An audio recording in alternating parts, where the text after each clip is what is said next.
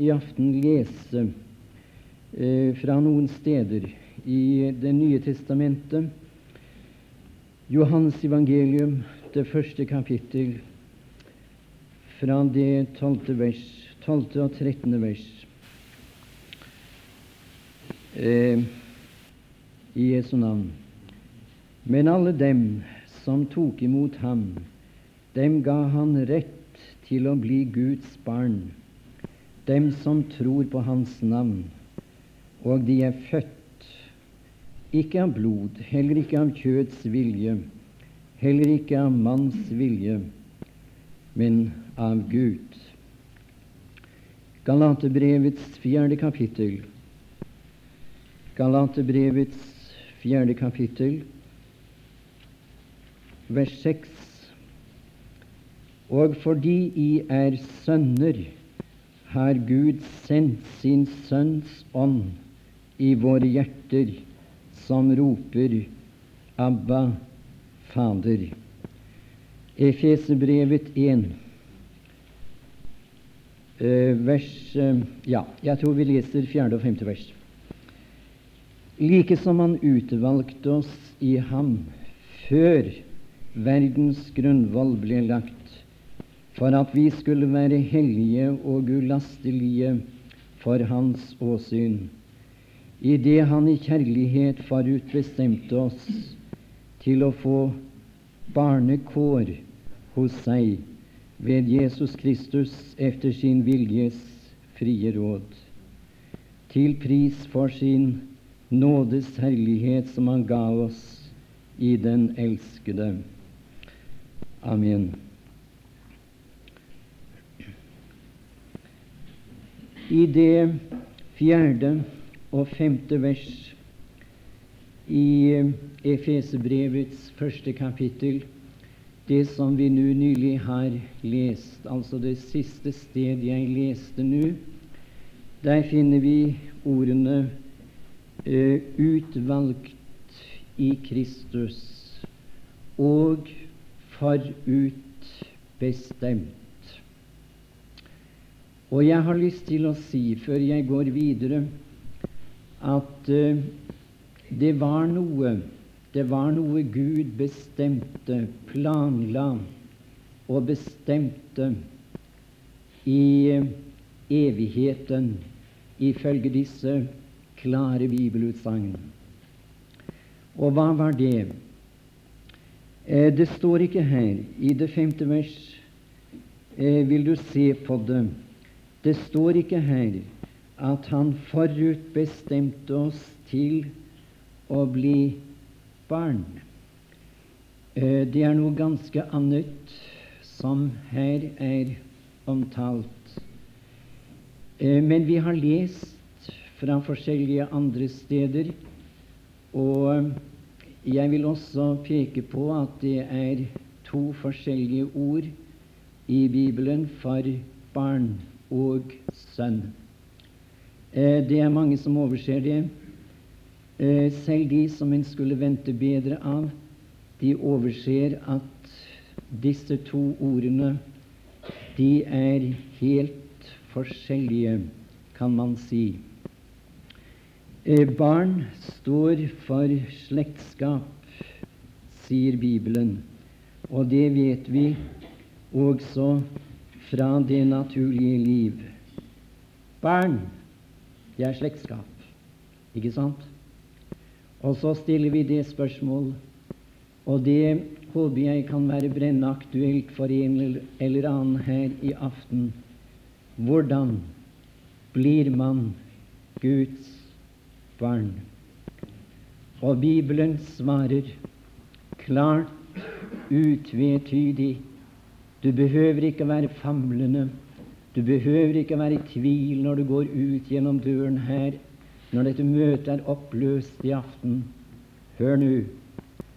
Det er bare én måte å bli Guds barn på, å bli lemmet inn i, familie, i familien, Guds familie på. Det er noen som sier at det skjer ved adopsjon. Jeg har ikke funnet det i Bibelen. Ikke på et eneste sted. Jeg vet at ordet adopsjon forekommer, men så langt jeg vet ikke i forbindelse med å bli barn av Gud. Det er i en annen forbindelse vi finner ordet adopsjon.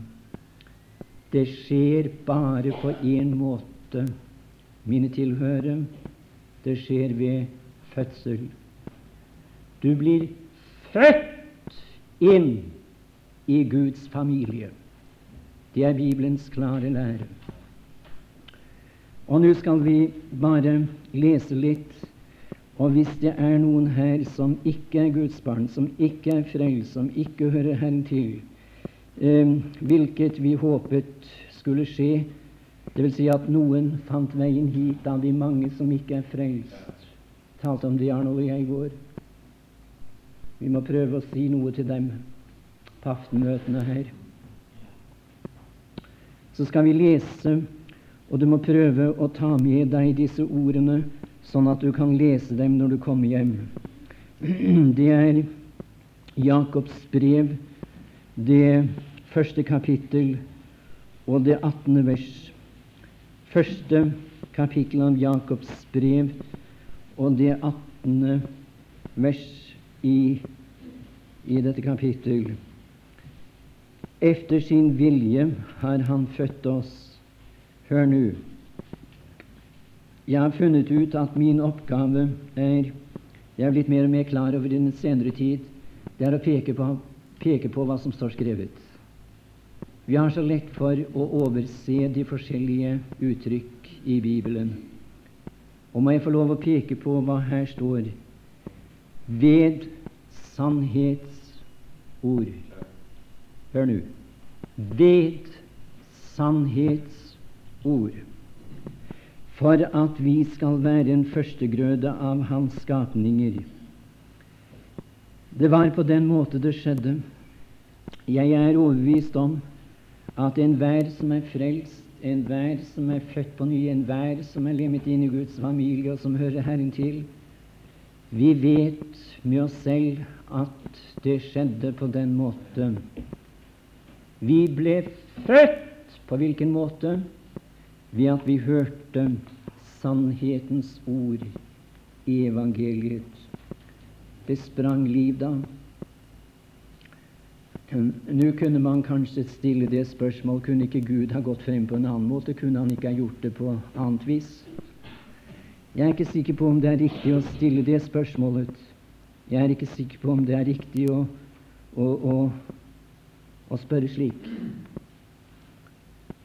Jeg skal på ingen måte det være, det være langt fra eh, begrense Gud. Gud er suveren. La oss holde det klart for oss. Men jeg synes at vi har svaret her, eh, for det står 'efter sin vilje'. Efter sin vilje. Det var, mine tilhørere, hans vilje at det skulle skje på denne måte syndere. De skulle høre noe, og så skulle, skulle de akseptere det de hørte. Så skulle det bli liv, nytt liv. Skulle de få en ny natur. Skulle de frelses. Jeg liker så godt å si jeg er frelst av blank nåde. Det var noe jeg hørte. Det var noe jeg tok imot. Nå er det meget mulig at det er noen som ikke kan se tilbake på dagen og timen. Jeg har truffet noen i sjelesorgen, så har de sagt til meg under fire øyne Jeg er ikke sikker på om jeg er frelst. Jeg kommer sånn i tvil når jeg hører på enkelte vitne om Gud. Det er gjerne sådanne som er oppvokset i et kristent hjem. De fulgte far og mor til møter eh, fra de var små. Og jeg må få lov å si det, venner, som jeg eh, antydet i går aftes ta barna mitt. Ta barna mitt. Jeg var veldig bar før i tiden. Jeg er ikke det lenger. Jeg ser så stort på Jeg mener, om barna skulle røre litt på seg Det gjør meg faktisk ikke noe.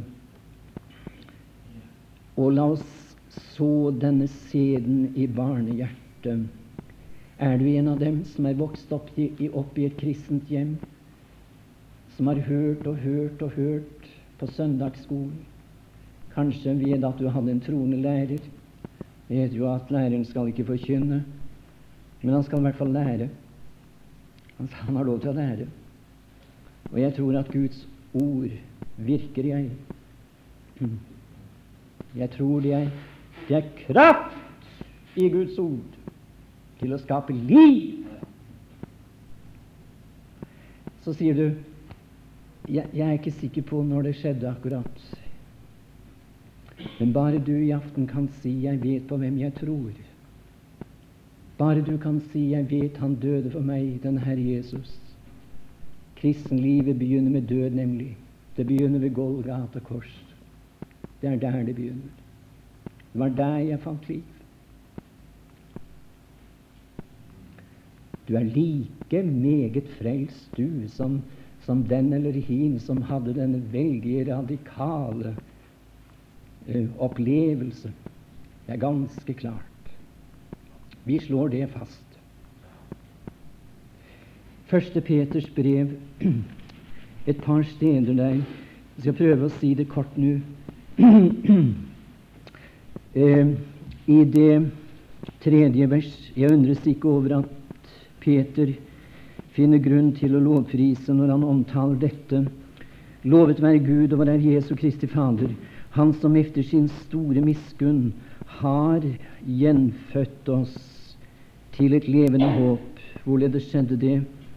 Jo, det skjedde ved Jesu Kristi oppstandelse fra de døde, gjenfødt i kraft av Kristi oppstandelse fra de døde.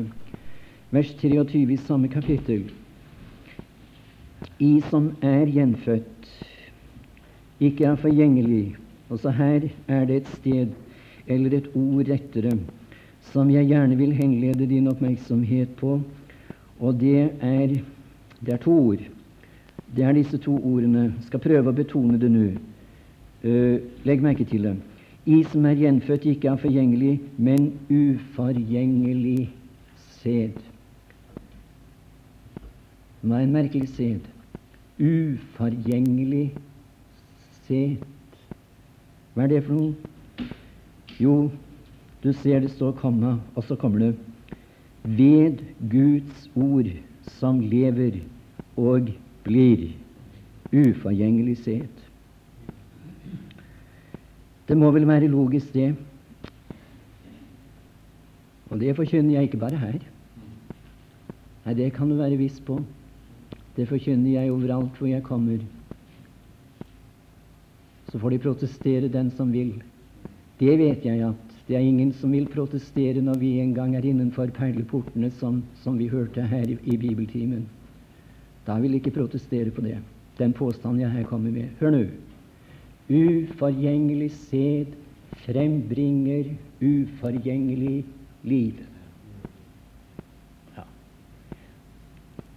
Et liv jeg nå eier, som aldri kan dø, for Kristus, det evige liv, tok plass i mitt hjerte som spirende frø, har oppreist mitt nedbrutte siv. Uforgjengelig sæd ble sådd i den lille guttens hjerte, så ble det liv. Et liv som ikke kan dø. Evig liv. Det er mer sprudlende, Gud være takk, enn det har vært noensinne før. Det livet i meg.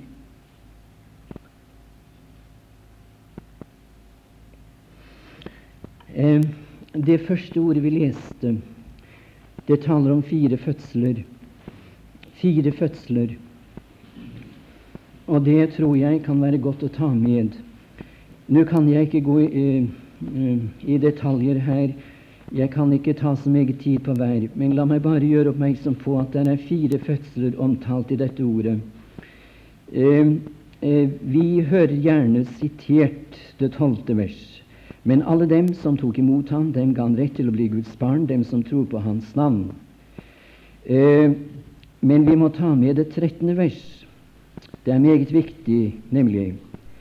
Der står Og de er født. De er født ikke av blod. Går det an å bli født av blod? Ja, det er vi alle. Det er vi alle.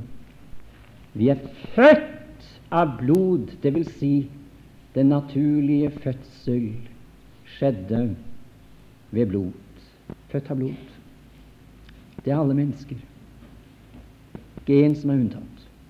De er født av blod.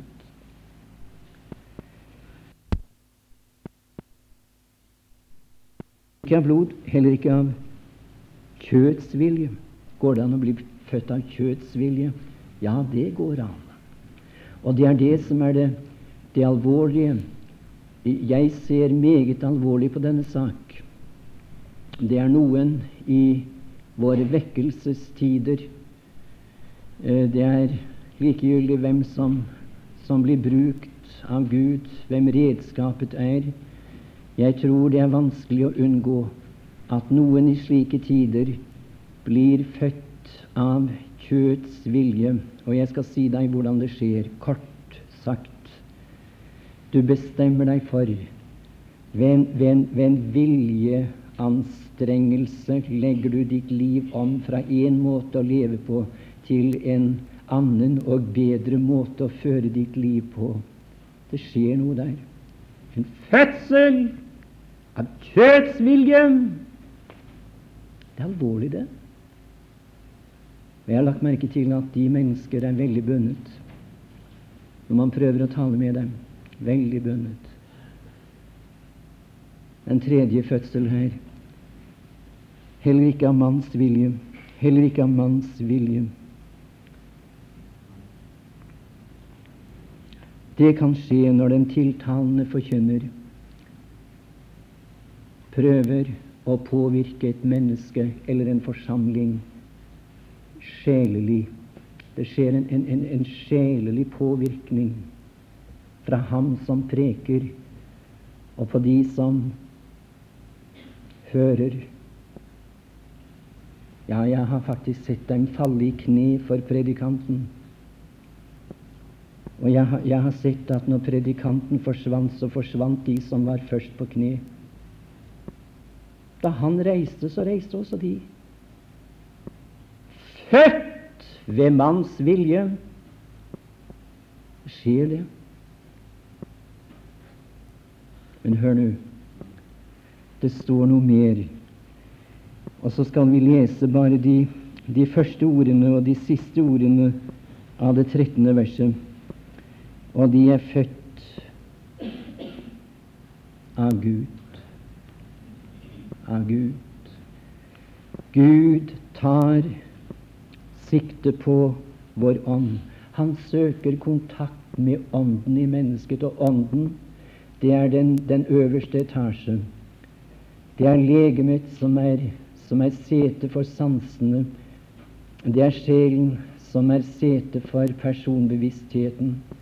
Det er Ånden som er sete for Guds bevisstheten. Gud søker kontakt med vår ånd. Og når vi der står ansikt til ansikt med Golgata kors, konfrontert med mannen på det midtre tre der, da erkjenner vi vår tilstand den er med ett ord sagt fortapt, fortapt. Da er det godt at han døde for meg. Det er den andre side ved korset. Så ser jeg det var for meg. Det var for meg. Tenk om noen kunne se det i aften. Tenk om noen kunne falle på sine kne her og begynne å takke. Takk fordi du døde for meg. Du fødes ved at Guds ord blir sådd i din sjel. Og det var det i din ånd. Ja, det har med sjelen å gjøre også, naturligvis. Men først og fremst ånden. Hør nå, så blir det liv. Liv. Uforgjengelig liv. Barn står for slektskap. Men vi er ikke bare barn, vi er sønner sønner. Og her kommer ordet adopsjon inn. Hør nå. Vi er sønner. Jeg har overveid hva jeg sier. I kraft av vår høye stilling. Sønn står for den voksne manns stilling i fars hus, nemlig. Og vi er likestillet med Guds sønn. Vi er løftet så høyt, så høyt, så høyt. Likestillet med ham. Det vil si han skal, han skal bære den ærestittel gjennom alle evigheter, så langt jeg forstår Guds ord. Den førstefødte blant mange brødre. Han skal være det. Derfor skal vi alltid omtale ham med dyp ærbødighet. Jeg har hørt mennesker be på en, på en meget uverdig måte, uttalt dette, dette navnet på en måte som, som er i aller høyeste grad uverdig den Herre Jesus. La oss være forsiktige her. Det var Han som gikk ned frivillig for å løfte oss så høyt. Vi er brakt inn, vi er satt inn i en stilling. Vi er sønner. Det taler om privilegier, det. Rettigheter. Ikke sant? De samme rettigheter som han har, de har jeg. Så til det tredje. Det, vi leste her altså i Efesebrevet til første kapittel han har, han har predestinert oss til noe, forutbestemt oss til noe. Hva var det? Jo, det, det sto her å lese til å få barnekår eller sønnekår. Barnekår, sønnekår, kanskje rettere, hos seg ved Jesus Kristus efter sin viljes frie råd. Og vi tar med Romerbrevet, det åttende kapittel. Romerbrevet, det åttende kapittel i denne sammenheng. Det er korrespondanse mellom disse to versene, eh, nemlig det 23. Ja, ikke bare det, men også vi som dog er åndens førstegrøde, også vi sukker med oss selv i det vi stunder efter. Ikke efter å bli barn. Nei da, det stunder vi ikke efter. Slett ikke. Vi er det, sier Johannes. Vi er barn. Vi er født, og dermed er vi barn. Vi er kommet inn i familien. Vi er endog sønner. Jeg bare berørte her. Men det er noe vi stunder efter. Og det vi stunder efter, det ligger foran. Det hører fremtiden til. Det er noe jeg, jeg speider frem til. Det er noe jeg venter på. Hva er det? Eh, I det vi stunder efter vårt barnekår. Barnekår. Ja, de kår vi lever i her, godt folk, er ikke Guds barns evige kår. Gud være takk. Det var ikke slike kår han bestemte i evigheten. Det var ikke det han predestinerte de troende til, at de skulle ha slike kår som de har her i denne verden. I dag deler jeg kår med ham, med Guds sønn, med Kristus, i forkastelsen. Ja, han er en forkastet frelser den som ikke ser det. Han er en forkastet frelser og en forkastet konge i denne verden, og den som ikke ser det, han er mer enn blind. Men hør nå det det er på andre områder også at disse kår som Guds barn lever i her, er fremmede kår. Fremmede kår. Det er ikke slik Gudslivet eller troslivet arter seg ikke eller fortoner seg ikke slik som noen sier at uh, det er å synge halleluja med et håndklapp fra tidlig morgen til sen aften hver eneste dag. Det er ikke slik. Det er tider da vi blir brakt til å gråte som troende i de kår vi er i her. Og du, du, spør kanskje meg har du grått. Ja, jeg har grått. Hva har du, du grått mest over? Jeg tror det. Jeg tenkte på det i dag. Jeg tror jeg har grått mest over mine nederlag og fall. Ikke fordi at jeg frykter for straff. Ikke derfor. Nei da, jeg angrer aldri fordi at, at jeg jeg frykter for at jeg en dag skal bli straffet eller vist bort fra Herrens åsyn osv. Det er ikke det. Men det er dette at jeg ikke har representert Kristus på en mer verdig måte i mitt liv som troende. Det er det at jeg vanæret dette velsignede hjertet, dette hjertet som brast for meg på Golgata kors. Han som døde der, han er nå i himmelen. Han er min hyrde og min tilsynsmann. Han har tatt forsørgelsesbyrden på seg, sa Arnold så fint. Så det var, var fint å høre. At jeg vanæret ham. Og nå, nå lyder det paradoksalt, men eh, jeg synes ofte det er så vanskelig å leve som en troende i mitt hjem. Verdig Kristus i hjemmet! Det er ofte vanskelig, det. Jeg gjentar det lyder paradoksalt. Ikke desto mindre er det slik. Der kan det komme et ord som ikke er verdig en troende å uttale. Der kan man såre den som man har mest kjær. Unnskyld at jeg er så familiær. Men det er slik. Jeg tror du må innrømme det. Så blir det da å gå for seg selv, bøye sine kne Tale med Herren om det. Si det. Det er i grunnen en dårlig tjener du har her. Jeg fartet omkring og preket om deg. Men, så står det ikke bedre til når det gjelder livet her. Guds barns kår er gjerne slik. Å, hvor gjerne jeg ville. Å, jeg fikk en lengsel, en lyst, en trang, en higen den dagen det sprang liv i meg, og det var det at jeg ville leve for ham. Leve mitt liv for ham. Jeg syns han mislykkes i den grad. Ville så gjerne leve for ham.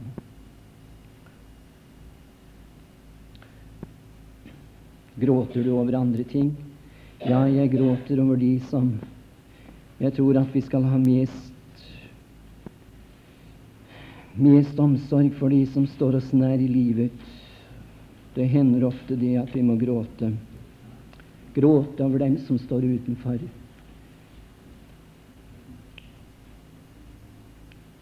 Det er fedre og mødre her som har bedt gjennom mange år om frelse for sine barn.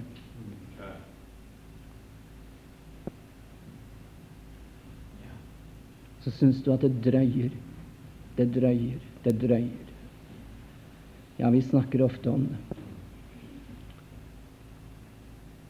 Og vi kunne få se dem på kne ved Golgata kors.